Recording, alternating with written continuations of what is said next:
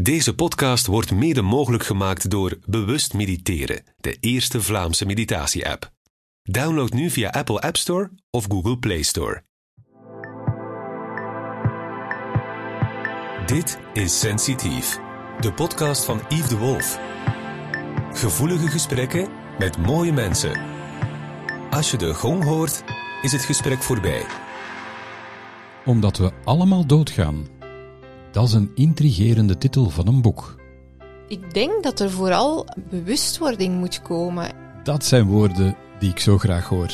Dus, mooie mens, Lien de Metsenaren, maar even uitnodigen voor een gevoelig gesprek. En die bewustwording, dat begint inderdaad bij onze overheid. Lien is een vrouw naar mijn hart en zit duidelijk op dezelfde golflengte. Mijn gezond verstand kan er nog altijd niet bij dat we dus tijdens COVID geen bezoek hebben toegestaan bij stervende patiënten. Het COVID-beleid deed haar een drastische beslissing nemen.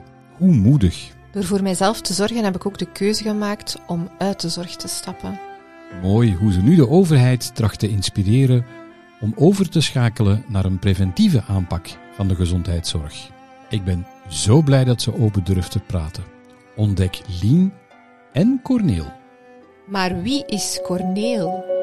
Dit is Sensitief. Gevoelige gesprekken met mooie mensen. Beetje op je gemak? Ja, Ja? Oké. Ja. Ze- Vooraleer dat wij aan het gesprek beginnen. Nu hoor jij het natuurlijk niet. ik hoor happy birthday. Ja? Ja, Ben je niet jarig vandaag? ja. Ja, het is waar. Maar allee. Zeg. Alsjeblieft.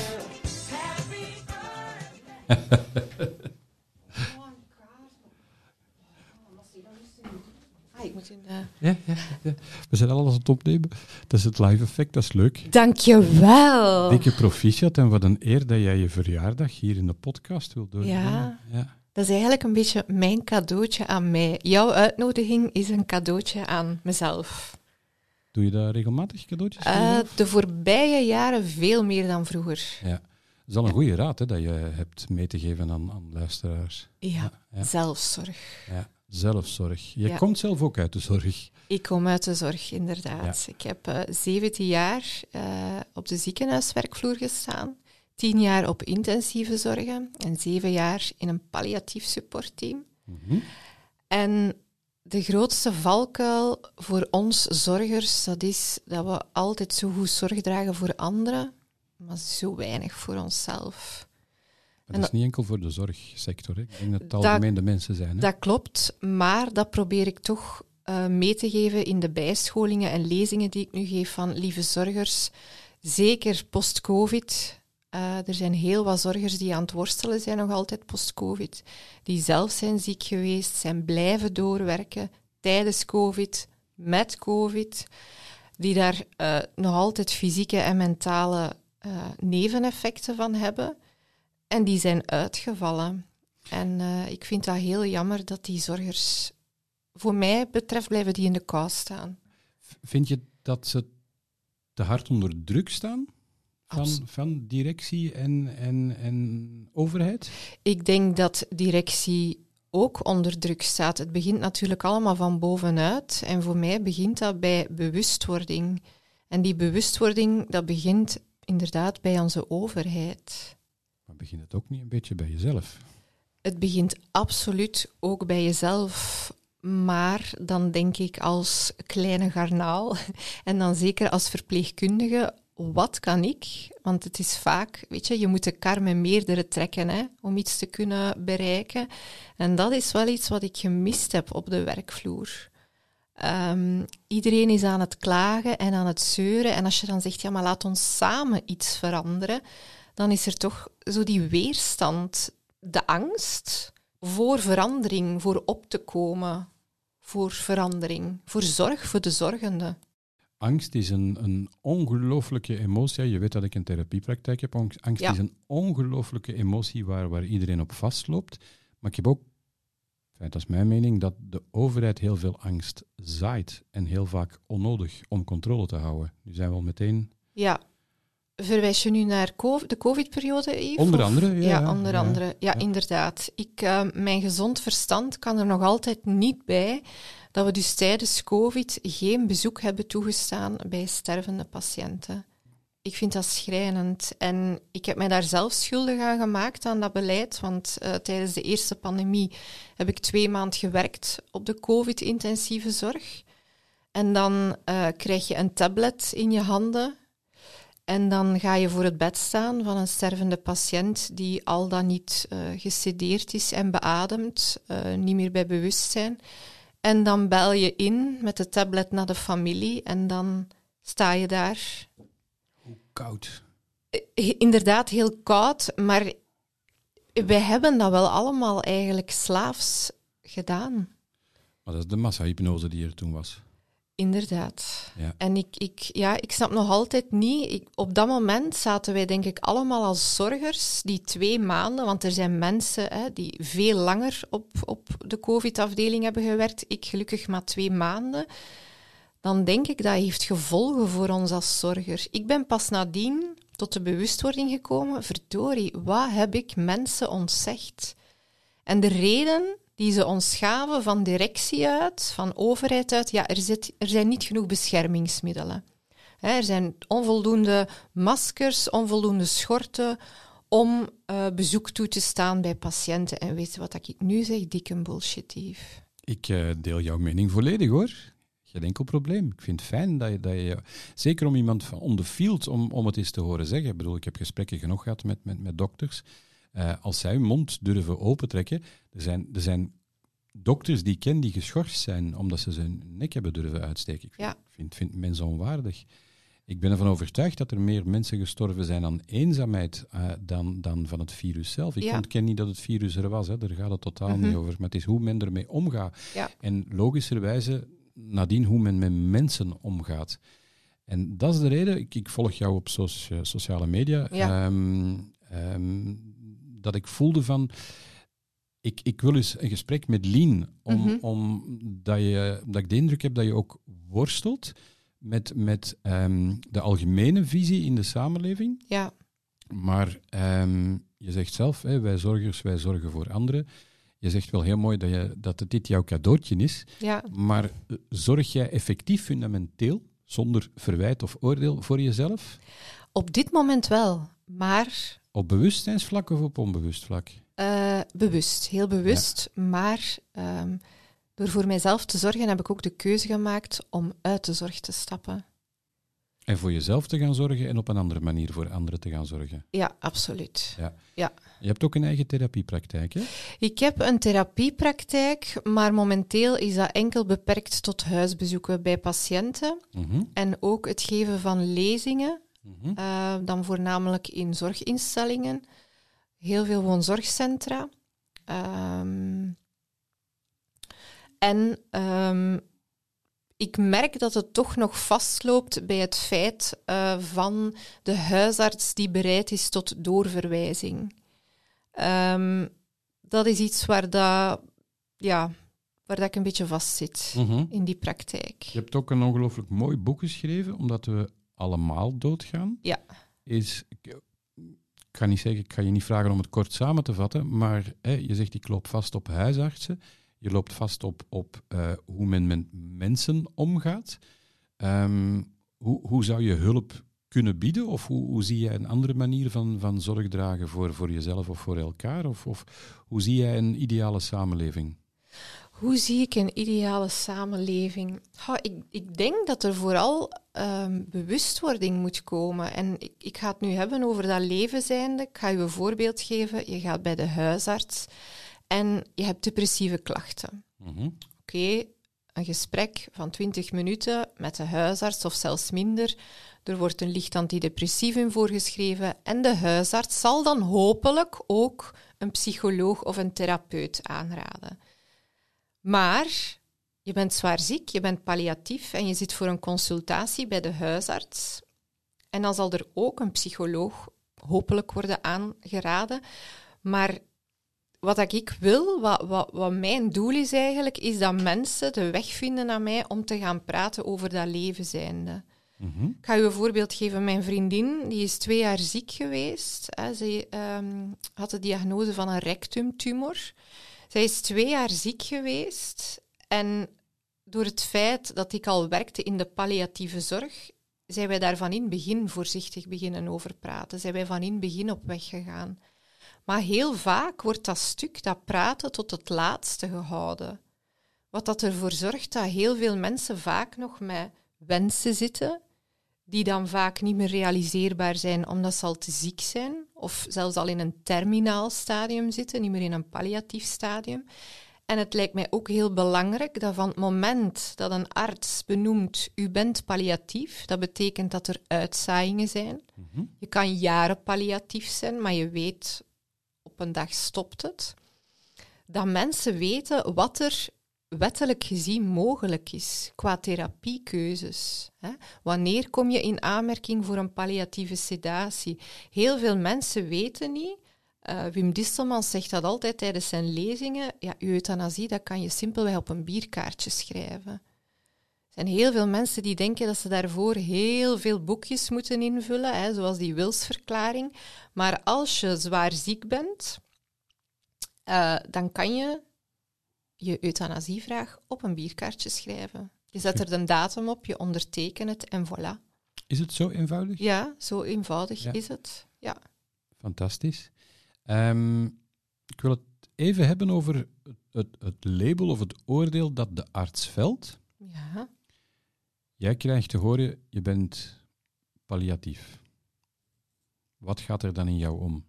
Dan word je ongelooflijk angstig en begin je te geloven Waar ik naartoe wil is van bewustzijn van, van waar komt die ziekte. Ik ben ervan overtuigd dat je bepaalde ziektes wel op een hele natuurlijke manier kan, kan um, gaan helen.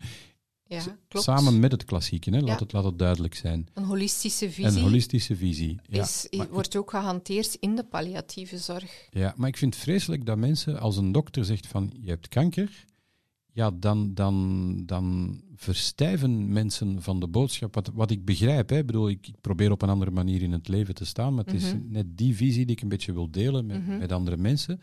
Ehm, waarom wordt er geen hulp aangeboden, uh, niet enkel op bewustzijnsvlak, maar waarom worden de mensen continu bang gemaakt?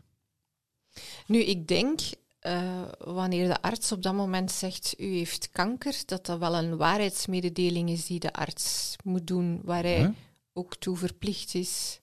Maar waarom is er geen verdere help op, op holistisch vlak, Nadine? Ah, op holistisch vlak, wel, hoe ik het heb ervaren, uh, wanneer een patiënt een diagnose kreeg, bijvoorbeeld door de oncoloog in het ziekenhuis, dan belde die oncoloog vaak naar ons palliatief team en dan zei hij, kijk, ik heb hier juist een slecht nieuwsboodschap gegeven.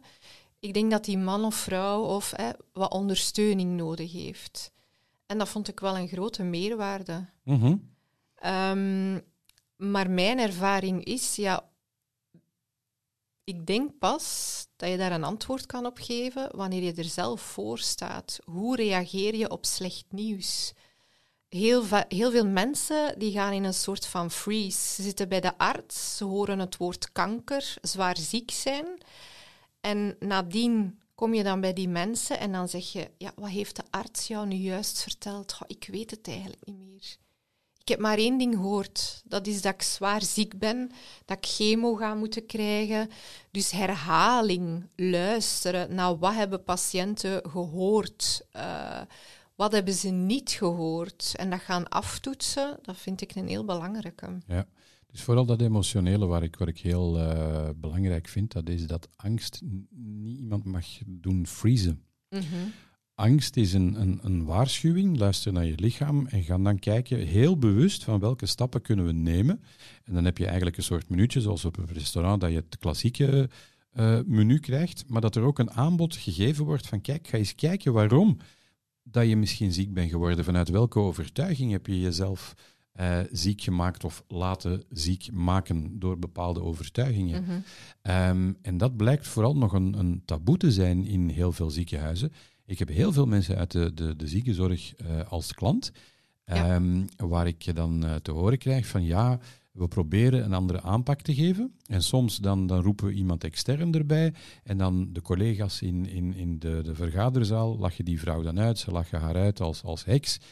Maar ja, soms werkt het wel. Mhm. Waarom is er nog altijd zo'n tweedracht onder, onder eh, verzorgend personeel? Uh, bedoel je artsen of ook onder verpleegkundigen? Uh, ik denk, um, als ik nu kijk hoe, hoe ik mijn opleiding heb genoten, dat dat vooral komt uit die wetenschappelijke kennis. Dat mm -hmm. sommige zaken voor artsen, voor uh, zorgverleners nog niet voldoende zijn aangetoond. En dan wordt dat zo heel snel als iets zweverig uh, afgedaan. Um, ik ben mij nu ook enorm aan het verdiepen in het spirituele, omdat, weet je, als je met mensen gaat werken die, um, die zwaar ziek zijn, mensen die aan het sterven zijn, um, en je stapt een kamer binnen, daar hangt een zekere energie. Mm -hmm. En dat is iets waar ik heel gevoelig voor ben. En ik pik al heel snel op om, of dat die energie positief is of, of negatief. En dan ga ik vaak ook bij de familie eens bevragen van hoe is de situatie nu eigenlijk? Hè? Vaak heb je een patiënt die heel onrustig is in dat terminale stuk. Dus dan bedoel ik echt tijdens die laatste dagen, je geeft die sedatie mm -hmm. om de onrust te onderdrukken. Maar dan denk ik vaak, laat ons een keer gaan kijken, zit daar emotioneel niks achter? Oké, we gaan hier gaan sederen. Er kan onrust zijn omdat er bijvoorbeeld een volle blaas is, een globus. Dat is een fysiek probleem.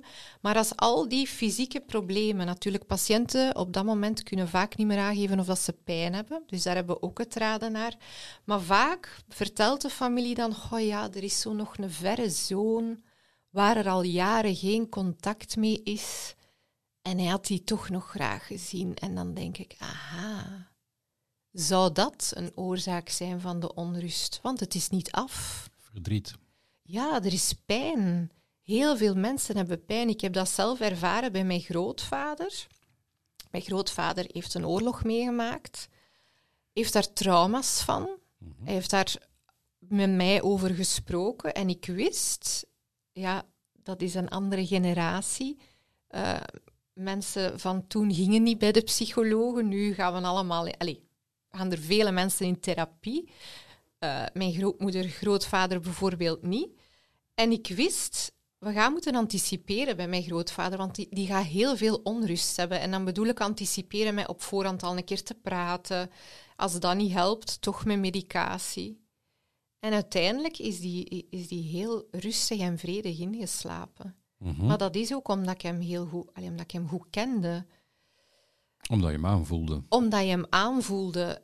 En ja, sommige patiënten, als je daar uh, een weg, een pad mee bewandelt, als, als je die al een paar weken of een maand kent, dan ben je al op dat pad. Maar sommige mensen komen pas de dag dat ze aan het sterven zijn op je pad. En dan is dat als palliatief hulpverlener een hele moeilijke. Moet er niet meer aan preventie gedaan worden? Absoluut. Dat is waarom dat ik die een boek heb geschreven. Um, ik ben nu met Zorgstad Aalst uh, in overleg. En ik ben daar gaan aankaarten. Al een hele zomer ben ik in overleg met een aantal schepenen. Uh, van oké, okay, Zorgstad Aalst, jullie willen aan preventie doen. En waar zit jullie luik palliatieve zorg? Waar zit het luik levenzijnde zorg? Uh, meer bijscholingen geven in de woonzorgcentra, de OCMW-woonzorgcentra hier in Aalst. Uh, er is geen lijfpunt in Aalst en omstreken, nee. Wow. Nee, Yves, dat is er niet. Dus ik, er is bewustwording, er is, uh, de ogen zijn opengetrokken tijdens de gesprekken. Uh, dat ik zei van ja, er is geen enkel... Mensen kunnen niet met hun levenzijnde vragen hier in Aalst of omstreken terecht. Waarom is dat nog altijd een hiaat? Want dat is toch ook preventieve Ik dacht dat gezondheidszorg? Een. Nee, nee, nee, nee, dat is nog altijd heel beperkt. Dringend. Uh... Uh, in Vlaanderen bijvoorbeeld, Yves, om een voorbeeld te geven, er zijn vijf palliatieve dagcentra. Uh -huh. Dus palliatieve dagcentra, dat wil zeggen, je bent palliatief um, en je krijgt daar zorg op maat. Maar de plaatsen zijn zeer beperkt. Hè. Er worden maar een aantal plaatsen gesubsidieerd door onze overheid. Dus neem nu dat er een aanbod is van 21, zullen er maar 9 gesubsidieerd zijn. En dan denk ik vijf palliatieve dagcentra in Vlaanderen. wanneer gaat ja, onze overheid eens wakker worden? Ja, ik ben volledig akkoord. Want ehm, ik heb al een paar lezingen zelf meegemaakt van, eh, van Wim Distelmans. Ja. En het blijft toch vaak tegen de stroom in. Ja, want ook zijn initiatief, hè, LIFE, Leven Zijnde Informatieforum, Mhm. wordt nog steeds tot op heden eh, niet gefinancierd, niet gesubsidieerd door de overheid. Hij zei het onlangs in een artikel. Wij leven eigenlijk van de pensenkermissen, van de organisatie van de pensenkermissen. En dan denk ik, er is één zekerheid. We worden allemaal geboren, we zetten in hè, op die zorg van een zwangere vrouw, al van voor, hè, van, van bij aanvang van, ehm, van de zwangerschap. We volgen die op. Waarom doen we dat niet tijdens het leven zijnde? Mhm. Eh, ik vind dat ouderen nog altijd ook zo een stigma krijgen in onze maatschappij. Je bent oud, je bent dement en je voldoet niet meer en je wordt weggestopt in een woonzorgcentrum. Het is een cliché, maar vind je niet vreselijk dat er heel veel ehm, zorgpersoneel ouderen als, als kinderen aanspreken? Ja, absoluut. Siske, mijn bieke. eh, ja, tenzij dat die ouder dat leuk vindt en dat je dat bevraagt. Je hebt mensen die dat leuk vinden, Yves. En dan, allee, die dat leuk vinden, die dat, die dat oké vinden, die daar oké mee zijn. Maar dan bevraag je dat ook eerst. Ja. Je gaat niet zeggen tegen meneer Jeff, eh ga er niet beginnen met Jeffke. Gaat vragen van, ja, is het oké dat ik u Jeffke noem? Of als je ziet dat Jeffke dat niet graag heeft, ga je dat niet doen. Maar da, daar ook, ik heb nu in mijn lezingen Corneel geïntroduceerd. En Corneel is eh, een figuurke Hm? ehm, die ik op mijn presentatie heb gezet. En ik ga tegen de mensen in het publiek zeggen van oké, dit is Corneel, daar is het leger aan zorgers en daarnaast is nog een keer de familie. Maar Corneel staat centraal. Corneel wordt opgenomen in het woonzorgcentrum of het ziekenhuis.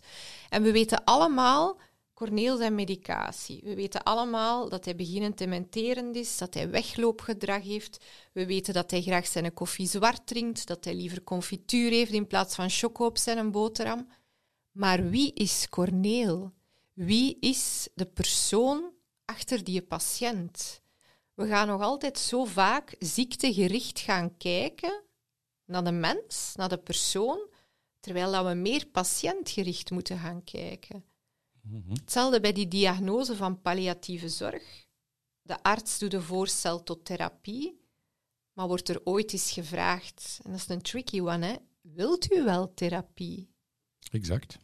Wilt u dat wel? Dat is een vraag die niet gesteld wordt in die gesprekken. Dat is een vraag of, of een, een besluit dat de patiënt vaak na een paar sessies chemo mee komt van dit wil ik niet. Ik was beter, ik voelde mij beter zonder die chemo. En ik zeg niet dat je mensen de hoop moet ontnemen, absoluut niet. Ik vind ook dat je realistisch moet blijven. Ehm, en niet iedere patiënt kan daarmee om. Het is een moeilijk evenwicht, hè, want ik ben er ook van overtuigd, eh, ik ben geen dokter, hè, ehm, dat er vaak te veel medicatie wordt gegeven en dat je op een, op een natuurlijke manier kan herstellen als je goed eh, begeleid wordt. Ja. Maar dat hoort men niet graag. In mijn boek staat een heel mooi verhaal daarover. Dat is over een, een prachtige ziel. Ik ga ze bij naam noemen, Nathalie. Ik heb Nathalie le- leren kennen tijdens mijn rouwopleiding. En Nathalie werkt op een geriatrische afdeling waar ze vooral zorgt voor mensen met dementie. En wat gebeurt er heel vaak? Er is s'nachts nachtelijke verwardheid. Hm? Dus dan staat er in het verslag, s'morgens, hè, patiënt deze nacht zeer verward geweest.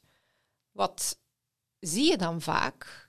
Dat is dat er wordt op geanticipeerd met medicatie. Ah, we gaan starten met Xanax. We gaan ze Xanax geven voor ze te kalmeren overdag, smiddags pilletje, s'avonds. En uitei- uiteindelijk krijg je een, een lusteloze man-vrouw, zowel overdag als nachts. Maar ze slapen wel. Men is zwijgt, men zwijgt. En dan denk ik, Nathalie gaf mij onlangs het voorbeeld, dus had het gesprek aangegaan. Dus ze zei van, ik wil weten waar dat die een onrust bij die dementerende dame vandaan komt. En ze is dus, maar ja, hoeveel zorgers doen dat? Ik zie u van ja knikken, maar dat is, dat is geen... eh, Dat allee, is voor mij de evidentie van ja, zorg. voor mij ook, maar die zielen zijn, want daar kruipt tijd in, hè. Daar kruipt heel veel tijd in. En dat gaat vaak ook ten koste van je boterhammetje dat je kunt opeten, dat gesprek dat je dan aan toe bent met je patiënt. Of even uh, een beetje van je flesje water drinken of een toiletbezoek. Dus Nathalie heeft dat gesprek aangegaan met de patiënt, maar dat was wegens dementie onmogelijk. En dan heeft ze met de familie een gesprek aangegaan. En toen bleek dat de echtgenoot van de dame die dementerend was, um, een zelfdoding had gepleegd. En ja, zo is een beetje met de familie het rouwpad opgestapt. En we, we zijn ons nu eigenlijk de vraag aan het stellen, samen, met nog andere zorgers die mij via Messenger contacteren. Hoe gaan we om met dementie en rouw? Ja, heel interessant. Hoe gaan we daarmee om? Want ja, ze kunnen ons vaak niet vertellen hoe dat ze zich voelen of het niet meer uiten. Dus in hoeverre is die dame die dementerend is, ja, is die in haar rouw van haar man, die nog maar een paar jaar geleden een zelfdoding had, toen ze eigenlijk nog maar net dementerend was. Maar misschien kunnen er wat meer technieken aangeboden worden aan mensen om naar het onderbewuste te gaan. Ik ben geen promotie aan het maken voor mijn eigen activiteit. Nee, heel eerlijk, maar de oplossing zit meestal daar. Je kan communiceren met iemand die niet meer kan praten. Dat is de reden waarom ik met babytjes of, of met mensen met een, een heel breed spectrum van autisme, dat ik wel kan communiceren. Ja. Ik doe ook een vorm van rouwbegeleiding. Ik, ik, pretendeer niet van het zo te omschrijven, maar het begint allemaal met acceptatie. Je moet niet, iets niet oké vinden, maar wel accepteren. Klopt. En mensen met kanker, Yves, ik ben doorgestuurd door hè, dokter Huppel de Pup. Jij gaat me helpen. Ik, vind, ik wil jou begeleiden. Ik, ik ben de oplossing niet. Ja. Maar ik heb een aantal leuke technieken en dan stel ik meestal voor om te beginnen met accepteren. Ja. En men is er bewust van overtuigd dat men de ziekte heeft geaccepteerd. En door dan de techniek hè, is het redelijk confronterend dat ze het eigenlijk niet uh, accepteren. Ja, dat is een puntje dat ik wil maken tussen congruent en incongruent. Tussen wat men met de beste bedoelingen altijd probeert te doen, is praten met patiënt. Begrijp ik, hè? bedoel, dat is eerste lijns. Mhm. Maar het, het, het verwarrende van, van, van die uh, persoon waar je net hebt gezet, is gewoon een emotionele verwerking in het onderbewustzijn. Ja. En daar mag meer aandacht aan besteed worden. En het feit dat je zegt, en ik begrijp jou volledig van, het, het, systeem laat het niet toe om daar voldoende tijd voor te maken. Misschien moeten we dan het systeem eens gaan herbekijken, dat er wel tijd kan vrijgemaakt worden. Absoluut. dat is veel essentiëler. Het systeem moet absoluut herbekeken worden. Als ik nu kijk hoe ik um, twintig jaar geleden op intensieve zorgen ben begonnen, er was een geen zee van tijd, maar voor mij leek dat, als ik het nu bekijk, een zee van tijd om voor uw patiënt te zorgen. Dat was zo'n zaligheid. Je had ook tijd om op je gemak middags iets te eten, om op het gemak een keer naar het toilet te gaan. En nu is dat een continue rush tegen een tijd om voor uw patiënten te zorgen. Dat is ook een reden dat ik ermee gestopt ben op intensieve zorgen. Ik voelde mij op den duur... Um, ja, je kreeg drie patiënten als er personeelstekort was. Als er daarvan twee beademd zijn en ene kritiek, ja, dan kunnen naar die andere twee niet veel omkijken. Hè. Daar moet je de familie bij begeleiden. Dan heb je vaak nog een student die je moet opleiden. En dan zijn er nog een keer de vele telefoons die er vaak bij komen. Allee, het is... Ik, vind dat een, ik, ik geef nu altijd het voorbeeld van intensieve zorgen, maar het geldt voor iedere verpleegafdeling het is heel zwaar, vind ik, als zorger. Maar dan moet je als, als zorgverlener ook redelijk um, stevig in de schoenen staan, want je wordt geconfronteerd onbewust met, met, met eigen trauma's. Ja. En onbewust ben je soms anderen aan het helpen vanuit een schuldgevoel of een verantwoordelijkheidsgevoel of iets dat je zelf onbewust hebt gemist. Dus het is, het, is, het is de kip of het ei. Het kan heel confronterend zijn. En dan, vind ik het, dan begrijp ik waarom er heel veel zorgverleners uit de sector stappen. Wat ik fijn vind aan, aan jouw rol, is dat je um, een, een, stap terugzet, maar eigenlijk een stap vooruit wil zetten. In de zin van: ik wil op de barricades gaan staan en ik wil het systeem aankaarten. Um, ik vind jou enorm moedig. We hebben zulke mensen nodig. Maar. Je moet ook realistisch blijven ja, met de minister van Gezondheid op het ogenblik. Ik denk niet dat er veel uh, mee te praten valt. Nee, ik heb uh, een maand of twee geleden gezien op een congres in Mechelen. En ik had mijn boek bij. Ik had op voorhand zijn kabinet uh, verwittigd via mail van mag ik mijn boek overhandigen aan de minister. En dat was een positief antwoord, gelukkig. En ook vrij snel. Dus uh, ik heb mijn boek overhandigd en ik ben denk ik 15 minuutjes met hem in gesprek geweest over palliatieve zorg. Ook dat er uh, in het onderwijs moet ingezet worden op die palliatieve zorg. En hij keek met grote vragende ogen naar mij. Ja, hij begreep het niet. En dan denk ik, oh, hij, hij begrijpt het niet. Mm Dus het gesprek was ook heel snel afgerond. Ja, nee, hij, hij begrijpt het niet. En ik denk, mevrouw Krivits begrijpt het ook niet. Hè. Ze, bijvoorbeeld mevrouw Krivits gaat op bezoek in woonzorgcentra. De rode loper ligt uit. Ik weet van mensen die in die woonzorgcentra werken, die ze al heeft bezocht. De patiënten worden daar nog vroeger gewassen dan normaal. Hè, zodanig dat als mevrouw Krivits daartoe komt, arriveert, dat alles lijkt alsof dat alles echt heel vloeiend en vlot verloopt. Maar dat is het dus echt niet. En dan denk ik, ze zouden gewoon een keer moeten, ja, de luier daar op de grond gooien, zoals dat vaak gebeurt, en dat de minister er moet overstappen. Ja. Waarom tonen we een keer die realiteit, ook naar directies toe? Waarom moeten we altijd tonen dat op die een dag Mm Eigenlijk helemaal, het draait helemaal niet om de realiteit hè, op die een dag. Dat is een beetje weerspiegeling van hoe, hoe, hoe de, de, maatschappij ook leeft. Hè. Absoluut. En, en het is dat, dat we hem op een of andere manier willen doorprikken en waar dat we heel zwaar mee geconfronteerd worden. Um, ik zeg soms al lachend, zorgbedrijf. Er, er is vooral veel bedrijf en weinig zorg. Ja. Terwijl we eigenlijk zouden moeten omkeren. Er moet terug gezorgd worden voor, voor zorg eerst voor jezelf en dan pas kan je voor een ander gaan zorgen. Ja. Maar ik denk dat er een bredere mentaliteitswijziging nodig is. Ja. En, en dat is een vorm van bewustzijn. En, en jij doet het dan op, op jouw domein voor, onderwijs, Ja. eh, voor, eh, voor zorg, eh, anderen voor, voor onderwijs. Ehm, ik probeer het een beetje zeer algemeen in de samenleving. Ook de dood, denk ik, dat we van kleins af aan misschien eens op een andere manier moeten gaan bekijken. Ja. Met welke perceptie ben jij opgevoed en opgegroeid over dood? Ehm, ik herinner mij, mijn eerste ervaring met de dood was het overlijden van mijn overgrootvader. En ik ben als kind meegenomen om hem te gaan begroeten. Hm? Ehm, ben ik daarop voorbereid door een gesprek? Nee, dat, dat, dat herinner ik mij niet. Maar ik kan mij dat ook niet herinneren dat dat een angstige gebeurtenis was. Ehm, maar ik vind de dag van vandaag, en we, we doen dat met kinderen, we doen dat met ouderen, we willen mensen altijd beschermen, maar vaak doen we daar heel hard fout mee. Ik had het daar straks over Nathalie. Ehm, maar er is nog iemand die mij nauw aan het hart ligt. En zij is ook heel hard aan het vechten in een woonzorgcentrum waar dat zij werkt. En zij stuurde mij onlangs, Lien, ik moet een verhaal kwijt. Ik heb dus een dame bij mij die echt nog wilsbekwaam is, dus helemaal geen sprake van dementie. En die haar dochter is zwaar hulpbehoevend. Die ligt nu in het ziekenhuis en die is stervende. Maar van haar andere twee dochters mag ze niet op bezoek gaan. Want amai, ons moeder kan dat niet aan. Ons oud moederke gaan we nu toch niet in het ziekenhuis in een auto steken.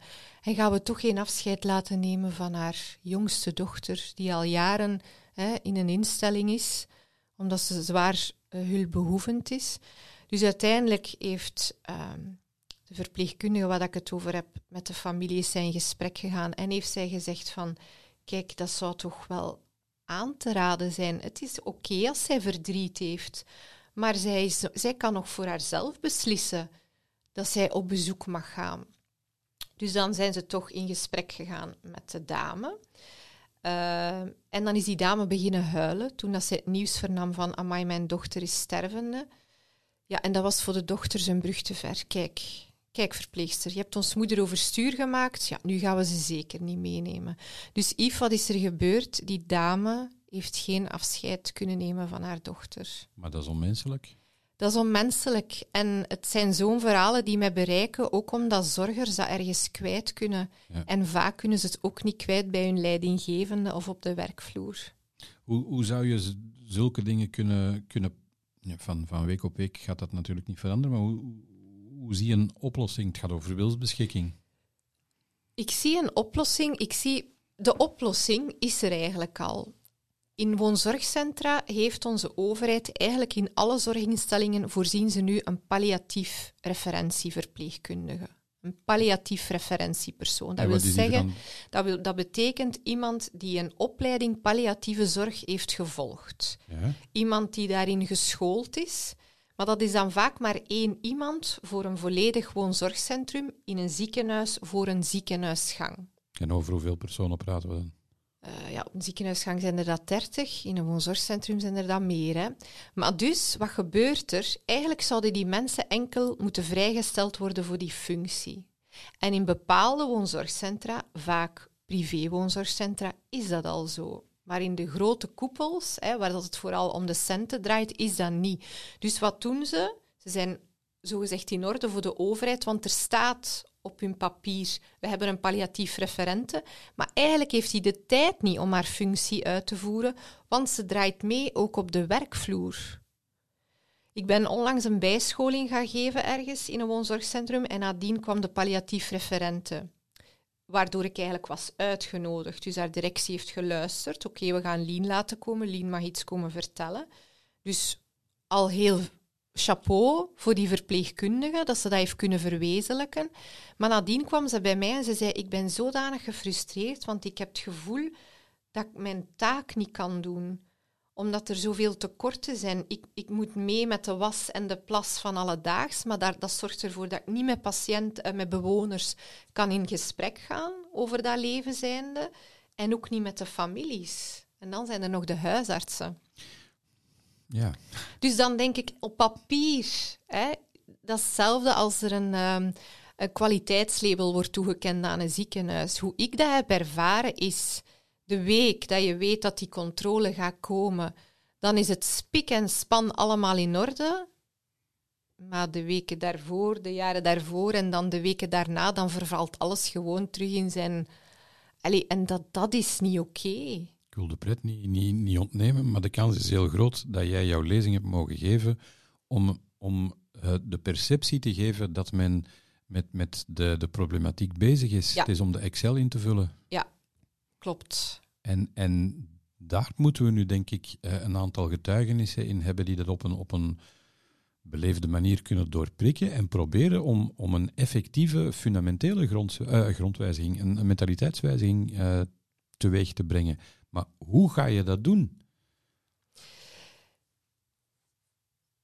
Ja, ik ben daar ook eh, over Zoekende. aan het nadenken. Ja, ik ben daar ook heel hard zoekende. Ehm, Ik denk dat we eerder in de samenleving moeten beginnen, omdat hey, je, je zei er net over, over de babytjes die, die geboren worden. Ja. En, en dan helemaal op het einde. Maar daartussen zit een heel leven. ja, waarin enorm veel ruimte en tijd is om bewustwording te gaan implementeren.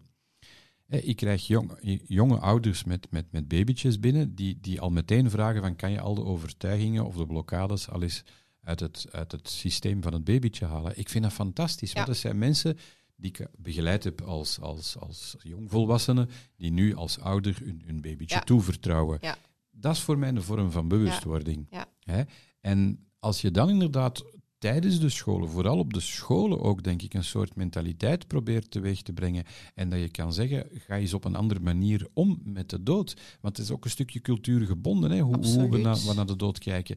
Ehm, ik, ik eh, had het met een hele goede vriend, wiens papa ook overleden was, en hij zei van, het is verschrikkelijk om, om tegen mijn familie ehm, een, een, een eervol einde of, of, of een afscheidsfeest te bezorgen voor mijn papa. Hij zei, ik wil het, ik wil het leven vieren, ik wil de dood vieren. ja, Ehm, ik, ik, ik kreeg kippenvel, want ik begreep perfect wat hij bedoelde, Ja. maar het is optornen tegen de broers en zussen en de familie, Ja, zoals dat jij zelf ook al aangaf. klopt. Dus hoe, hoe, hoe kunnen we daar preventief mee, mee, mee omgaan? Scholen? ehm, Scholen. Ik ben al benaderd door een aantal scholen om te vragen, eh, bijvoorbeeld voor een middelbare klas. Ehm, en dan vragen ze stevast, dan is de vraag stevast, ehm, kom je dat gratis doen? En dan zeg ik ja, nee, want dat is ook een beetje, ja, dat is ook een beetje wat ik doe nu. Ik zeg ja, ik heb dat boek geschreven met een zeker doel, dat is zaadjes planten. Maar ja, en heel eerlijk, tot hiertoe is het in de scholen altijd afgeketst op het financiële. op het financiële. En dan zitten we inderdaad met geld en geld is macht. En geld is macht, inderdaad. En wat ik ook hoor, uh, want ik heb bijvoorbeeld al bij heel veel, uh, je hebt een aantal uh, instellingen die um, bijscholingen aanbieden aan zorgbedrijven, ben ik mij al gaan voorstellen en zijn ze, zeggen ze van ja, als we vragen krijgen voor palliatieve zorg, je mag direct een freelance opdracht doen voor ons, maar ze krijgen geen aanvragen voor palliatieve en levenzijnde zorg. Ah nee, want uh, informatica-systemen en dan andere uh, bijscholingen die staan, die opgelegd worden door de overheid, die staan bovenaan. En daarvoor krijgen ze heel veel opdrachten. Uh, maar voor ja, het levenzijnde... Het systeem weer al, hè? Al, alweer inderdaad het systeem. Ja. En ik heb me ook al de vraag gesteld van ik begrijp perfect dat je meteen bovenaan wil beginnen om, omdat je dan een impact hebt. Mhm. Maar ik vrees dat het bovenaan niet gaat lukken en dat we van onderaan Ja. ehm, bewustwording moeten, moeten Ja. implementeren. En dat we de, de, het aantal mensen, individuen, gewoon veel bewuster in het leven gaan laten staan. En dat die dan op een bepaald moment tegen de mensen boven gaan zeggen van ja, maar dit willen we niet meer. We willen het echt anders. Ja, Maar dat is een werk van lange adem. Absoluut. En dan moet je een gezond evenwicht in zoeken, dat je de boodschap blijft verkondigen, maar dat je zelf niet onderdoor gaat. Want waar haal jij de energie van? Waar die passie van? Waar die overtuiging? Mm, ik denk, de passie voor zorg is er altijd geweest. Eigenlijk is bij mij het eerste zaadje geplant toen dat mijn moeder is ziek geworden. Ehm, die is eh, thuis ehm, ja, plots onwel geworden. En toen heeft zij twee weken doorgebracht op intensieve zorgen. En ik heb daar gezien van, amai, wat is dat hier allemaal? Eh, dat, dat technisch aspect, maar ook dat menselijk aspect, eh, dat bevalt mij wel, hè, de combinatie van beide. Ehm, je moet de vraag nog een keer kort, want ik, ik ben aan het afwijken. Ik, ik wil een andere vraag stellen eigenlijk. Werd er bij jullie thuis over de dood gesproken? Nee, nee, Nee, totaal niet. nee. Dus het is tijdens de, de, de confrontatie, toen dat jouw mama ziek is geworden, Ja, dat je terecht kwam in, in de realiteit en Ja. dat je zei van er klopt iets ja niet. de- dus daar is eigenlijk de passie, daar ging het over, de passie voor zorg ontstaan. En eh, toen ben ik aan de slag gegaan op intensieve zorgen. En toen viel mij daar op hoe weinig tijd er daar wordt besteed aan de dood. Eh, ik citeer in mijn boek ook professor Dominique Benoit, die daar ook enorm mee bezig is. Eh, die zegt van ja, we houden mensen in leven hè, op intensieve zorgen en we, moeten een keer meer gaan nadenken van ten koste van wat? Waarom? En dat is, vind ik ook iets, een verantwoordelijkheid dat je hebt als zorger. Hè, je hebt ehm, de zorgers die zeer volgzaam zijn. En dan heb je degenen die zeer ondernemend zijn, waaronder dat ik mijzelf uiteraard eh, reken. Hè, ik geef u een voorbeeld. Er ligt daar een patiënt op intensieve zorgen. Je verzorgt die al twee maanden. Dat is een patiënt van 88 jaar. Maar je weet door gesprekken met de familie dat die patiënt zetelgebonden al leefde. Hè? Bedzetel, dat was het. En als je dan ziet hoe dat die patiënt daar, hoe dat, dat wordt gerokken en dat je voelt als verpleegkundige dat dat gaat hier niet meer goed komen, dan zeg ik in mijn boek, je hebt als hulpverlener het recht om aan uw arts, waar je op dat moment mee samenwerkt, luid op de vraag te stellen, waar zijn we mee bezig, dokter? Is dit nog goede zorg? Is dit nog menswaardig? En ik vind dat dat verpleegkundigen dat nog veel te weinig doen. Ik vind dat een zekere verantwoordelijkheidszin die je hebt. Je moet ook bij die artsen voor bewustwording gaan zorgen. Hebben de artsen dan te veel macht? Ehm, laat het mij zo zeggen. Van alle artsen waar ik mee heb samengewerkt, eh, heb ik met de, meerdere, de meerderheid heel graag samengewerkt. Als een arts voelt van oké, die verpleegkundige, dat is een harde werker, die weet waar dat ze over spreekt, die heeft kennis. Knowledge is power, hè? En dat is zo ook in de zorg. Als die een arts voelt, die verpleegster, amai, de feiten waar dat die mee komt, ja, daar kan ik eigenlijk niet rond. En je riskeert dat je een keer gaat uitgeroepen worden, hè, zo van, wauw, Lien, de metsenaren. Ik was LL, lastige lien, vaak op intensieve zorgen. maar, dan een, maar dan, nee, geen lieve lien, lastige lien. Maar dan een dag nadien komt die een arts terug en dan zegt hij van, oh, ik heb eigenlijk nagedacht, je hebt gelijk, we zouden beter stoppen. Maar dan gaat het ook plots weer snel hè, op die intensieve zorgen. We hebben het gerokken twee maanden, we gaan stoppen. Dus wat gebeurt er? We gaan de familie bellen, we gaan het gesprek aangaan, we gaan onze beademing afbouwen, ons, we gaan ons medicatie waarmee dat we de bloeddruk ondersteunen en dan poef, op een dagtijd is die patiënt weg. En voor de familie is dat vaak niet te vatten. Op Boektopia heb ik ook een lezing gegeven Jens den Donker was daar helaas mijn concurrent. Er stond een rij bij Jens den Donker, dus ik heb het maar moeten stellen met een stuk of acht mensen in mijn zaal. De juiste mensen stonden. De juiste mensen. En op het einde ehm, is er een dochter bij mij geweest die zei... Ik wil even zeggen, zegt ze, wat wij op intensieve zorgen hebben ervaren. Hè. Mijn mama had een hersenbloeding gedaan en ze heeft daar een maand gelegen. En wij zijn op bezoek geweest en wij moesten altijd zelf om informatie vragen. En dan uiteindelijk zegt ze, wij dachten dat het misschien nog wel goed ging komen, maar ze zegt, achteraf bekeken hebben wij ook niet doorgevraagd. Waarschijnlijk uit angst. En plots, zegt ze, worden wij na vier weken opgebeld. Het gaat slecht met uw moeder, je moet nu komen. En ze zegt, ik was te laat. Ik kom naartoe en mijn moeder is al overleden. Waarom zijn ze niet vroeger met ons op weg gegaan? En dat is wat ik zo belangrijk vind je mag doorbehandelen, maar ja, blijf daar altijd voorzichtig in en, en geef mensen, familie de tijd om afscheid te nemen. Als ze twee maanden op intensieve liggen, er kunnen altijd plots een complicatie, allez, kan een plotse complicatie optreden. Hè? Want dat is ook zoiets belangrijk. Mensen denken, oké, uh, mijn moeder-vader is zwaar ziek, maar is nog niet sterven, is palliatief.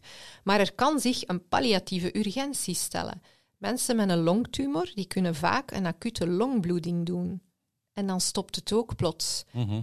Het is vaak belangrijk als je dat ziet als, als arts, als hulpverlener, van oké, dat is hier aan het keren, dat je dat tijdig benoemt van het is nu stabiel, maar het kan zijn dat er plots altijd iets gebeurt. Dan sta je, sta je inderdaad met een voldongen feit voor... Uh, ja. Maar dan heb je op zijn minst de mensen voorbereid. Preventie, ja. ja. En wat ik ook heel als ik daar nu op terugkijk, mijn tijd op intensieve zorgen, um, het hart van, van zijn zoon, dat is het verhaal in mijn boek. Dat is een jonge man die gepreleveerd is, um, dus orgaandonatie, een verkeersongeval.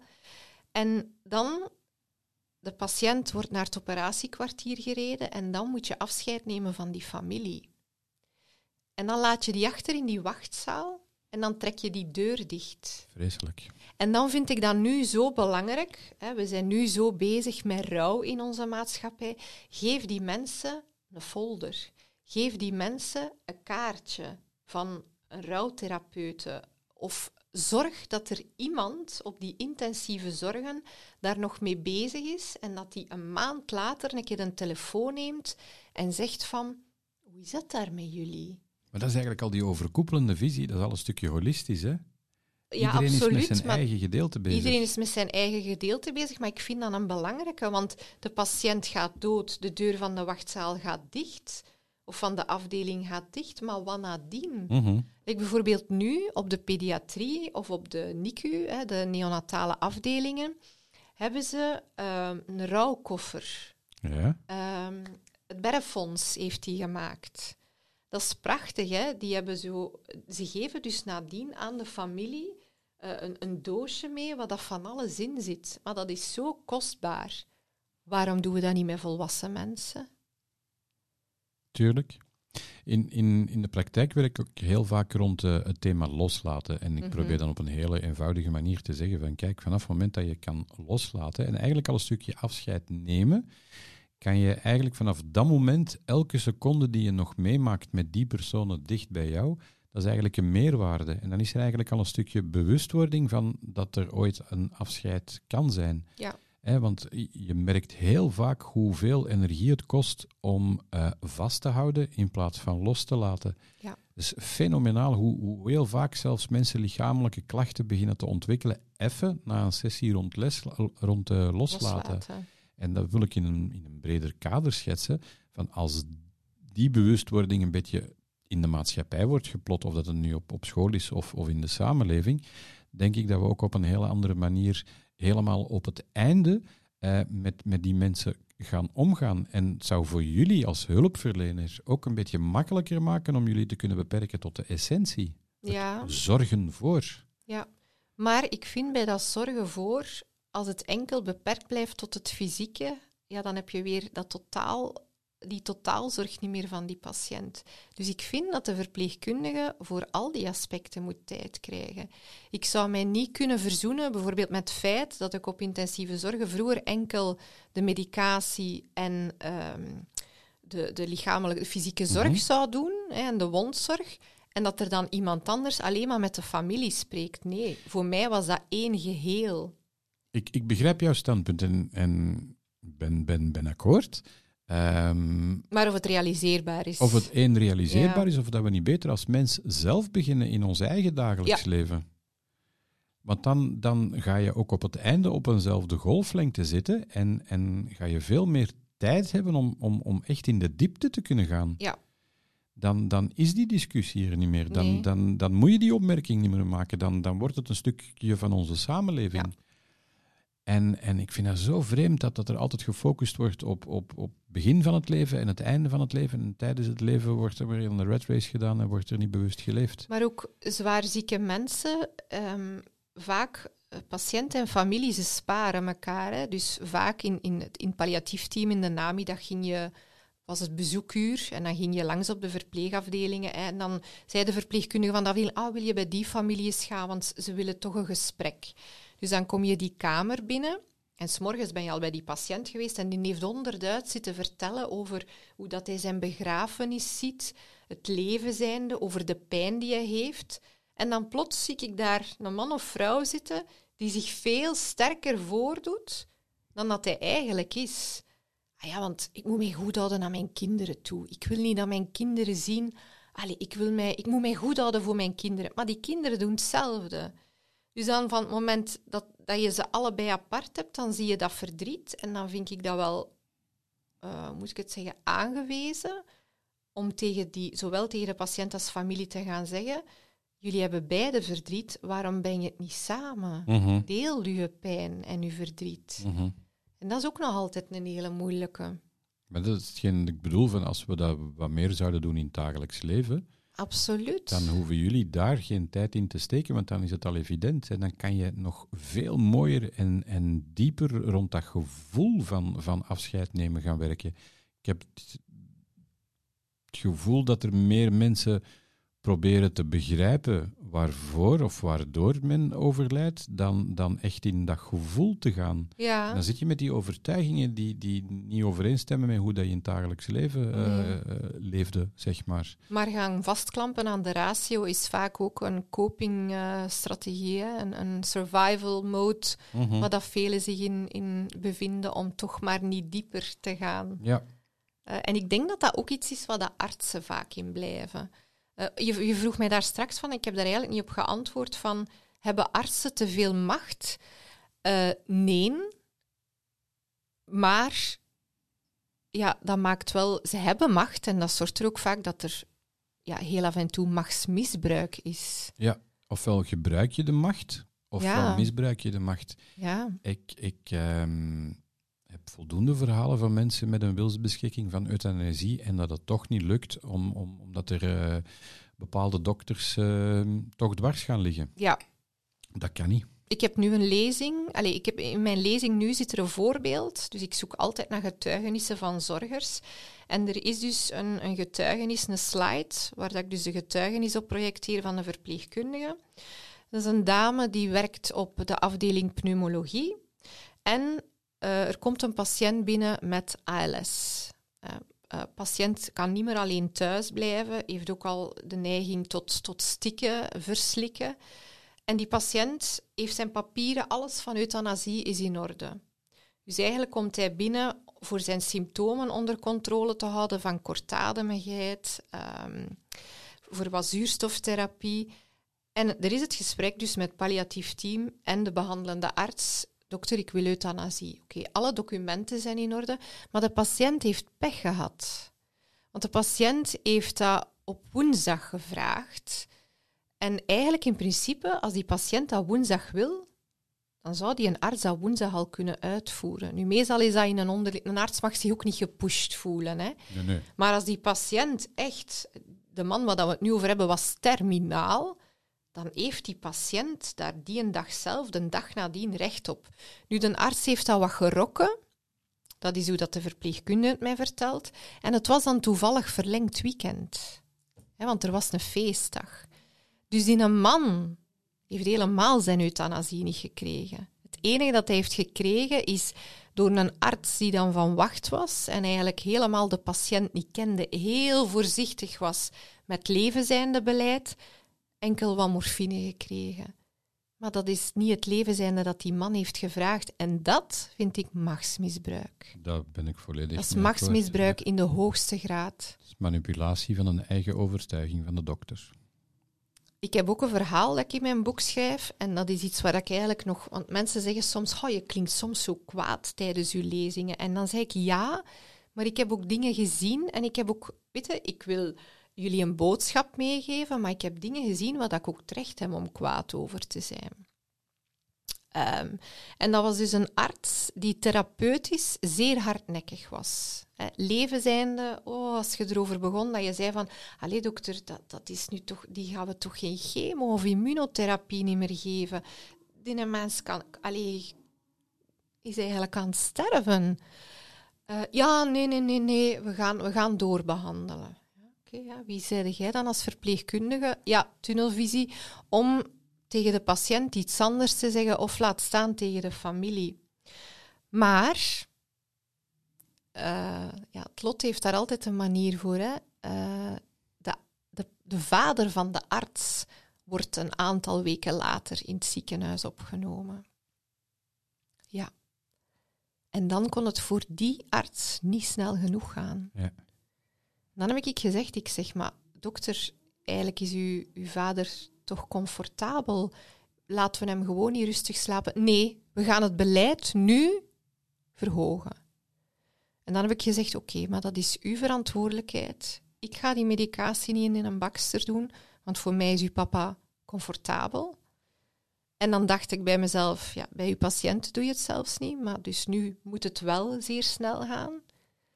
Uh, maar dan zijn, dat zijn ook dingen wat ik vasthoud aan mijn waarden en normen. Daar trek ik dan mijn handen af. Respect. Dan zeg ik van, ik ga komen opvolgen, dokter. Ik ben er voor u, maar uh, als je wil dat ik die medicatie optrek of... En ook doorgezegd tegen de andere collega's van het team, als je daar niet goed bij voelt, als je Mhm. vindt dat er geen reden is om de medicatie te verhogen en de arts het u toch oplegt, dan laat je het aan de arts. En dan denk ik, verdorie, wat een machtsmisbruik. Ja. Maar jij hebt die kracht als persoon. Ja, Niet alle collega's hebben dat. nee, klopt. Het is toch jammer dat dat een vorm van, van, van eh, machtsvertoon is. Ja, Dat ga je altijd hebben, maar het mag toch iets eh, regulierer worden. absoluut. Ja. Maar ik, ik- ja, in onze maatschappij hebben we zo vaak nog altijd de neiging om weg te kijken. Hè. Eh, ik vind dat een moeilijke. Like bijvoorbeeld nu, ik zit in een relatiebreuk. Ik ben aan het worstelen. En de mensen die echt met mij praten nu over de essentie, waar dat ik dus effectief wel nood aan heb, ik kan die tellen op mijn één hand, hè, Yves. Ja, het is veel leuker dan te lachen en plezier te maken. Hè. De leuke Lien, dan, dan, nu, dan dat ik nu een keer over mijn emoties mag gaan vertellen. En dat, dat is in onze zorg ook zo. Dat is, dat, dat is in alles zo. We, ja. Dat is in het leven. En dan het denk ik, je kan, hè. dat maar, allee, je kan dat maar voorzichtig aanpakken. Hè. Je kan vragen van, hé, hey, ik zie dat het moeilijk is. Heb je zin om erover te praten? Een ja kan je krijgen, een nee niet. Mhm. Dat is ook zoiets in onze maatschappij. In het ziekenhuis was dat ook. Hé, hey Lien, hoe is het met u? Vroeger zei ik altijd goed, ook al was het niet goed. En nu heb ik geleerd om te zeggen, "Goh, eigenlijk niet zo goed. En dan zie je de blik in die ogen van de mensen van, shit, wat moeten we nu zeggen? Dan heb je al geluk dat ze het gehoord hebben, Want want, het is meestal niet goed. ze het niet. Ja, ja, of meestal inderdaad. Zijn ze selectief doof op dat moment en horen ze het niet. Ja. En nu heb ik wel geleerd van, het gaat, het gaat niet zo goed, maar ik red me wel. Dank u. In Ja. plaats van te zeggen, het gaat goed. Maar kan je verzekeren, eens dat je nog stappen zet en dat je nog verder ontwikkelt, je gaat niet meer met die andere mensen matchen. Het gaat niet meer. Maar dat hoor. is nu al. Welcome to our world. I like your world. het, het, het, het is, allee, zonder arrogantie, het is eenzaam aan de top in de zin van. Ik ben blij dat we, dat we gelijkgestemde mensen, onder andere via, via zulke gesprekken en, en via het verspreiden van, van, van deze boodschap, Mhm. dat mensen zich ook gaan herkennen en erkennen. Ehm, dat is heel belangrijk en ik denk dat we met die boodschap wat, wat, wat ruimer moeten gaan en, en ieder op zijn manier, vanuit zijn ervaring, eh, de algemene boodschap is, jongens, word wakker en ga bewust leven. Ga eens kijken wat men ons he- jaren heeft wijsgemaakt, wat we ons hebben laten wijsmaken, hè, want Ja. het is ook een stukje eigen verantwoordelijkheid. Allemaal makkelijk, maar ik denk dat die bewustwording heel belangrijk is. Dat, er, dat het niet enkel ehm, die visie is die telt, er is ook een andere visie. Die wordt doodgezwegen, maar meestal als men in die visie de oplossing niet vindt, gaat men op zoek en komt men plots met gelijkgestemde mensen in contact. Ja. En zijn er plots veel meer. Mhm. Maar ze worden de mond doodgemaakt. Ja, klopt. Ja, ja. Ehm, hoe we daar een evenwicht in gaan zoeken, ik weet het niet. Misschien denken we nog in, in te veel oude patronen van we moeten het opgelost krijgen in dialoog. Misschien moeten we stoppen met praten en gewoon het voorbeeld gaan geven. Ik denk dat we ook nog te vaak, dat is ook iets dat ik tijdens mijn lezingen nu naar voren breng, ehm, de verantwoordelijkheid van een, een team, Mhm. die ligt niet alleen bij die hoofdverpleegkundige. Die ligt bij iedereen. Ik herinner mij vroeger toen ik op intensieve zorgen werkte en er was een probleem, dan stond er een rij aan te schuiven aan het bureel van de hoofdverpleegkundige. Ja, lieve, want die heeft die gezegd over die. Ja, neem uw verantwoordelijkheid. Kom voor uzelf op. Ga een, een volwassen gesprek aan met die persoon. Als jij een probleem hebt hoe dat die patiënt is verzorgd, ga in gesprek met je collega. Dat, dat begint al bij de poetshulp, eigenlijk van de poetshulp ja, tot bij de directie. Ah, Iedereen maakt deel uit van dat team. Maar ik vind dat we in onze samenleving te weinig ons verantwoordelijkheid nemen. Ik vergelijk dat nu met mijn relatiebreuk. We zijn met twee. We hebben daar alle twee een aandeel in. Wie ben ik om met de vinger gaan te wijzen naar hem, wat ik wel in het begin heb gedaan. Maar we zijn ook samen met onze shit aan de slag gegaan. En we besluiten, we don't match as a couple. En dat vind ik sterk. Dat is uw verantwoordelijkheid nemen. We zijn beter alleen gelukkig dan samen ongelukkig. En dat doen we nog altijd te weinig.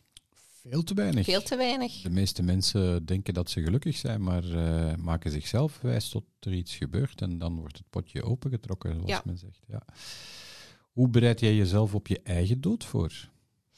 Ik heb eh, mijn lijfdocument ingevuld. Ehm, en eigenlijk, naar gelang dat er een gebeurtenis is in mijn leven, verander ik dat jaarlijks een keer. En dan Mhm. bedoel ik bijvoorbeeld ehm, een vriend van mij, die werkt in het brandwondencentrum in het militair hospitaal. Ik ben daar een keer een bezoek gaan brengen. En toen dacht ik, amai, eh, moest ik ooit, ik hoop nooit, eh, zwaar verbrand worden, dan wil ik niet dat ze mij erdoor halen. Dan wil ik eh, morfine, dan wil ik pijnstilling. Eh, dus ik heb dat eigenlijk, ik, ik ben daar zeer, eh, hoe moet ik het zeggen, ja, obsessief in eigenlijk. Eh, ik heb dat allemaal neergeschreven wat ik niet wil in die situatie. Er zijn er Ehm. dingen dat je absoluut wel wil, want je focust op wat je niet wil.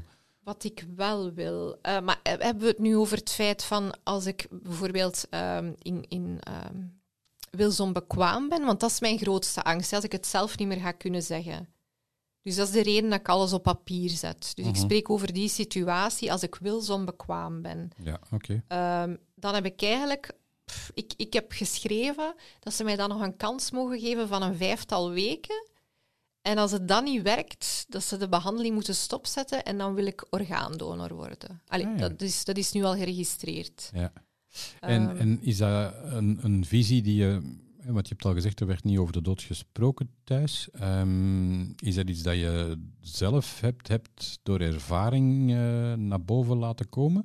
Of heb je dat zelf besproken met familie of vrienden of partner? Eigenlijk nu in de familie, eh, sinds dat mensen, ja, de familie weet dat ik in die, in die sector werk, Ehm, bijvoorbeeld met mijn papa is dat Mhm. ook besproken. Ik weet dat mijn papa zijn lichaam wil schenken aan de wetenschap. Dat staat ook al op papier. Eh, bij mijn grootmoeder idem. Dus eh, zowel allee, haar dochters als ik zijn daar, in, zijn daar samen in, in overleg gegaan daarover. Dus dat staat op papier. Dat Dus, mooi, dat is, dus dat is wel iets dat leeft. Maar er zijn dan ook mensen ja, bij wie dat, dat helemaal nog... allee, dat je voelt dat er weerstand is en dan heeft dat ook geen zin. Ik vind het heel belangrijk dat je er kan over praten en dat is misschien wel een beetje leuk. Ik denk mijn eigen vader, die er jaren geleden over begonnen is. Wat ik heel moedig vond, want vroeger was het totaal Mhm. niet bespreekbaar. Ehm, ik ben met de persoon Wim Diltemans in contact gekomen via hem. En daar ben ik hem heel dankbaar voor, dat, dat het bespreekbaar wordt.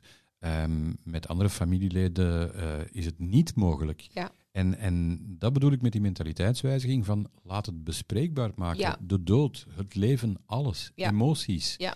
Praat daarover. Eh, niet enkel praten, maar ga ook in je gevoel. Ga zien van wie ben ik. Accepteer jezelf. Durf je tonen om wie dat je bent. Stop met keeping appearances te spelen. Ja. En, en authenticiteit. Heel veel Ja. mensen praten erover, maar heel veel mensen eh, kunnen het zelf gaan, gaan toepassen. Want vaak als mensen dan zoiets zeggen, zo van, oh, ik zou toch op papier zo een paar dingen willen vastleggen, dan is dat zo van, oh, zeg, kunnen we het over niks plezanter hebben? Hè? Waar, waar, waar denkt jij nu al aan? De ontkenning. Maar dan plots, ja, is het daar wel, hè? Ja. Ja. ja. Hoe draag jij voor jezelf mentaal zorg? Eh, ik heb een therapeut, ik ga daar niet om liegen. Eh, ik heb een therapeut eh, waar dat ik regelmatig bij langs ga. Ehm, en Waar- waarom zou je erover liegen? Ja, omdat dat toch nog vaak. allee, ik heb nu al in mijn, hoe moet ik zeggen, in mijn vriendenkring die ik nu heb, is dat meer aan het leven. Mhm. Maar vroeger was dat toch, toen dat ik zei, ik ben in therapie. Oh, en voor wat dan? En voor, ja, weet je, voor te werken aan jezelf. Eh, voor te kijken, ehm, ja, ik maakte heel vaak dezelfde fouten, vooral dan in relaties. Vond ik het te gaan kijken van waar dat, dat komt. Ehm, ja, voor te werken aan jezelf. Weet je, ken jezelf. En ehm, ja, ik ben er vandaag 41 geworden. En eh, ik zat gisteren bij de bank en eh, die man zei, amai, word jij morgen 41? En ik zeg, ja, en hoe, hoe oud bent u? Hij was er 23, dus hij was nog maar juist aan de slag. Ehm, en hij zei ook zo van, ja, wat is eigenlijk de, de goede raad dat je mij kan geven hè, voor, voor, voor het leven? Ehm, want hij was eigenlijk ja, niet zo, ja, hoe moet ik het zeggen? Ja, nee, ik ga het niet zeggen.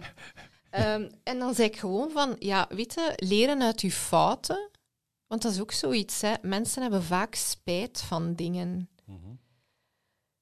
Ehm, ik heb ook al heel wat waters doorzwommen, maar ik heb eigenlijk van niks spijt. Ehm, dat zijn, ik probeer dat te zien als levenslessen. Ervaring, ja. En, en daar ehm, kracht, veerkracht uit te putten. En dat is ook iets wat ik in therapie heb geleerd, veerkracht, want ik had dat helemaal niet. Het is goed om veerkracht te hebben, maar je mag niet enkel op je veerkracht tillen, want dan, dan, dan val je, dan sta je op en meestal trap, ga je terug liggen door dezelfde patronen. Dus Ja, patronen wel, zijn maar het is daarom dat therapie zo belangrijk is Ja. om die patronen te herkennen en, en ja, tijdig te voelen, in te checken bij jezelf, zeg ik al. Ik zeg dat nu tegen mijn vriendin ook en dan kijken ze soms een keer naar van, check een keer in bij jezelf. Hoe voelt dat? Waar voelde dat? En dan zie ik soms rare blikken, maar ja, dat is een belangrijke, hè. Ik hoop dat de vriendinnen inpikken, want anders ga je binnen vijf jaar een hele andere vriendenkring hebben. Ze zijn, ze zijn aan het inpikken. Ja, ik had onlangs nog een vriend die ik heel lang niet gezien had. En eh, hij heeft heel veel verlies geleden. Dus dan bedoel ik mensen die hem, die hem nou aan het hart lagen, die hem zijn ontvallen. Hij is blijven doorwerken. En dat is klassiek, hè? aan 200 per uur doorwerken, doorwerken. En nu zegt hij, ik kan niet meer. Ik kan niet meer. Maar ik ben bij een therapeut. En dan denk ik, yes, er is misschien... En als hij het nu hoort, gaat hij met zijn ogen draaien. Maar wat. Er is toch iets blijven hangen, denk ik dan. Maar dat vind ik mooi, dat is een zaadje dat je plant door erover te praten. Ja, en dat is ook de reden waarom ik dit platform aan een aantal mensen aanbied, ja, om die boodschap te verspreiden. ja. Ehm, heb jij zelf angst of ben je zelf bewust bezig met dood? Of heb je angst om mensen uit jouw dichte omgeving te verliezen? Verkeerde woord, hè, angst. Ehm, heb ik zelf angst voor de dood? Nee. Maar ik heb wel angst voor de manier waarop. Mhm. Ehm, moest ik hier nu straks straat oversteken en ik word aangereden, dan heb ik ehm, heel veel leuke dingen gedaan in mijn leven. Dat toch ook al best zwaar is geweest tot nu toe. Maar dan hoop ik dat ik ook dat het ofwel lichte blessures zijn, kwetsures die ik heb, of dat ik er op slag niet meer ben. Ik heb heel, ik heb angst, ja, ik heb angst voor die fase in het midden.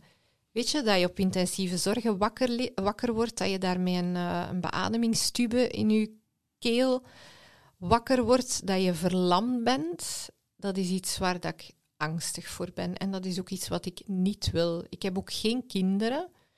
Dus op dat vlak kan ik echt wel zeggen van, dan ben ik er liever niet meer. Ja, vanuit een bewust Ja. Van, Ja. Vanuit een bewustzijn. Ja. Dan ben Nee, ik, mooi. ja, ik, Mooi. ik heb geen kinderen waar ik moet voor zorgen. Er is mijn hond, daar zal dan wel iemand voor zorgen. Maar dan ben ik er liever, nee, als ik verlamd in een rolstoel moet zitten, dan ben ik er liever niet meer. Maar ik ken mensen die in zo'n rolstoel zitten. Ehm, ik heb daar enorme bewondering voor.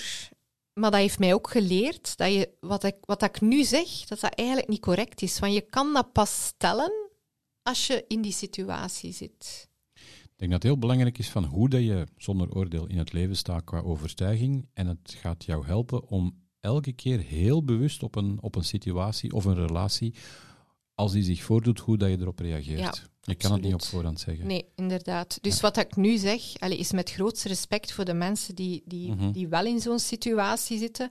Maar dat is wel een angst van mij. Dus ehm, ja, een, een grote angst is ook bijvoorbeeld ehm, in de file zitten in de autostrade en, en gesandwiched worden zo tussen een auto en dan zo een been kwijt zijn of zo. Dat zijn dan mijn eh doemscenario's. En dan denk ik, ah, liever direct ervan tussen dan...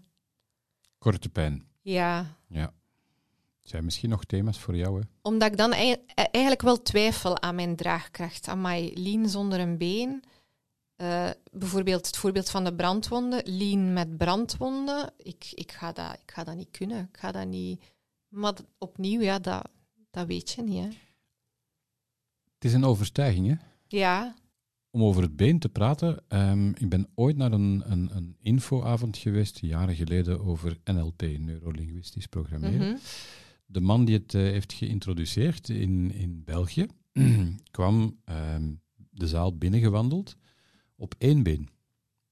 Ging op een stoel zitten. Ik garandeer je, binnen de tien seconden zag je niet meer dat die man maar één been had. mhm. Dus die, die, die uitstraling van die man, die, die passie, die... Ja, het, het gaat heel gek klinken, maar het is maar een been, hoor. Ik wil het ook niet Nee, relativeren. nee, hè. tuurlijk, tuurlijk, Ja, absoluut. ja, Het is inderdaad maar een been. Het is maar... Ja, Dat is nog een stukje bewust. ja. Ja, ja. Ehm, ik ga, want je hebt jouw hoofdtelefoon niet opstaan. Ik ga het hier even leggen. Misschien eh, dat je het wel kan horen. Ik had nog een, een, vraagje die ik ook aan de vorige dame over rouwbegeleiding had Mhm. eh, gesteld. Er is leven, er is leven na de dood. Er is leven na de dood. Is er leven na de dood? Ehm, ja, ik ben sinds eh, twee jaar ben ik mij aan het verdiepen in het spirituele. Ehm, en ik ben ervan overtuigd dat dat geen geitenwolle sokken eh, gedoe is. Eh, zoals daar straks dat ik al benoemde van je voelt soms de energie. Ik ben er heel hard van overtuigd dat er energieën zijn. Ehm, Alles is energie. als alles is energie en als iemand sterft en dat, dat eh, hoe, moet ik, hoe zal ik het zeggen, dat leven is niet afgerond, die persoon heeft niet kunnen loslaten, dan blijft die energie Mhm, van die persoon. mhm. Je moet mensen naar de vorige podcast luisteren met Kathleen. Misschien dat je haar eens moet contacteren. Ik denk dat jullie zouden matchen. Ja, in, in, eh, in, in de visie Ja. over. Het gaat ons een beetje te ver brengen nu in, eh, Ja. in, in, in deze aflevering. Ja, en ik weet als ik dat nu zeg, ik denk, moest je daar, ik, ik weet niet, hè, moest ik dat met artsen die ik ken, als, die, als die dat nu horen, dan gaan die zeggen van, oh ja, Lee, nu heeft het helemaal. Maar dat is ook omdat, omdat artsen daar vaak de tijd niet, niet voor nemen. Die hebben het ook zo, allee, verdomd druk. Hè. We hebben het hier nu gehad over de zorgers. Maar vergeet niet, de artsen, ja, die werken zich ook te pletter. Sommigen. Ja, de, degene die ik ken wel, maar hun verloning is dan beter, dat mogen we ook wel zeggen. Ja, maar, maar ja, ik vind het een heel moeilijke discussie. Ik, ik, ehm, ik mis de zorg van de arts. Men, men gaat heel vaak alleen maar naar het symptoom kijken, Ja, briefjes schrijven. ik snap het. En, en Ja. dat is voor mij geen zorg. Maar dat is nu ook, we zijn aan het afstappen van, we zeggen hè, palliatieve zorg is totaalzorg. Maar als je de klassieke zorg bekijkt, de klassieke geneeskunde, wat zijn we aan het doen? Mhm. We zijn, en er is een darmspecialist, ah, en er is een maagspecialist. Dus interne, de buik, wordt ook al in stukjes gedeeld. Dat is de pancreasspecialist, dat is de lever. Dienen opereert alleen knieën, alleen schouders, handchirurgie. Orthopedie zijn we ook in vakjes aan het doen. En dat zijn we met de mensen ook aan het doen. En ik, ik denk dat we, de- ja, dat we daar toch niet goed bezig zijn. En jij en ik en nog andere mensen gaan proberen op een zachte, maar wel zeer krachtige manier anderen te inspireren. Dat gaan we doen. Als de gong gaat, is het gesprek voorbij. Ja. Mag ik jou hartelijk danken voor deze fijne babbel.